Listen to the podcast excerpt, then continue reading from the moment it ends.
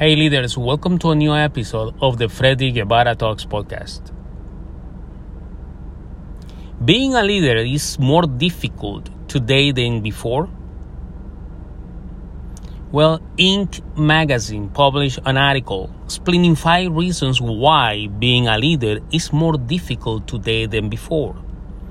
Let's review those five reasons and let's see what we can conclude about being a leader today. Number one, increasing intensity, complexity, and pace of work. Okay, that first reason is true. I remember 10 years ago, even working in production, in operations, compared to what's happening today in many organizations, many warehouses, production teams, the speed of work the velocity is greater today than before. Today we have to deliver products overnight.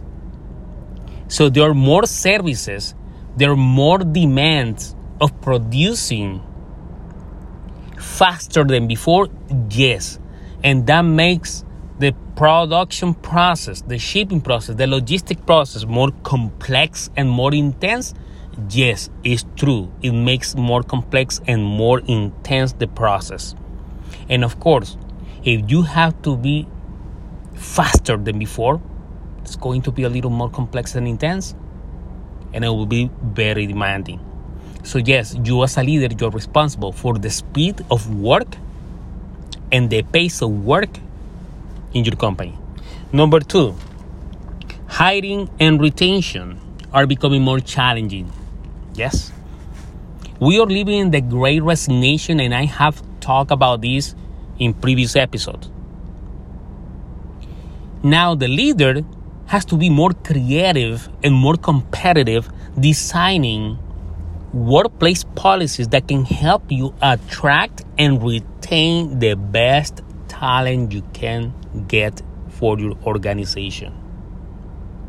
So it's very difficult we have a high cost employee turnover. And if the leader doesn't do anything about the workplace policies to attract and retain great employees, you as a leader, you will have a very, very big problem in the future. So nowadays it's more difficult. Number three, team sizes are growing. In the past, I'm talking about like uh, five years ago, we used to have companies or departments where you were the leader of like a 5 10 until 12 people. No more than that because you are being a leader of a, a small team you are supposed to be more effective and more efficient working with your team. But right now with the hybrid work everybody around the world with the technology you have people remotely working, you have people working present physically. And the size of the teams are growing because there are more projects and you maybe you are the leader of one department and now you're the leader of a project. So you have more people under you. Yes, time sizes are growing and now you have to be skillful and be better prepared to manage a team greater than before. Number four, managers have to do more with less. Actually, I think that this reason has been a reason forever since the since the era where management exists. You know why? Because that's the way you as a manager or a leader you are effective and efficient. That's how you pursue productivity because you are doing more with less. Of course, especially today that we have scarce resources, we have supply chain problems around the world. Of course, you are not having access to the different resources and for the quantity that you require to do your job as a leader or manager, but still, you are being demanded to deliver results. So everything is everything is in crisis. We have problems around us. We don't have enough resources. We don't have enough people. But you, as a leader, you have to deliver results. Even with less people, with less results, your job hasn't changed. Everything has changed, but your job, your responsibility of delivering results hasn't changed. And number five, working relationships are becoming more interdependent.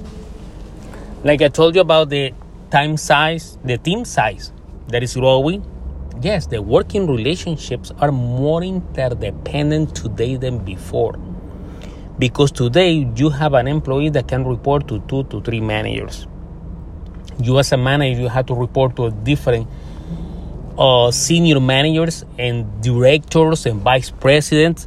Yes, are more interdependent because right now you are being demanded to work on operations on a functional area, but you maybe are in charge or you are working as a part of a project that the organization requires.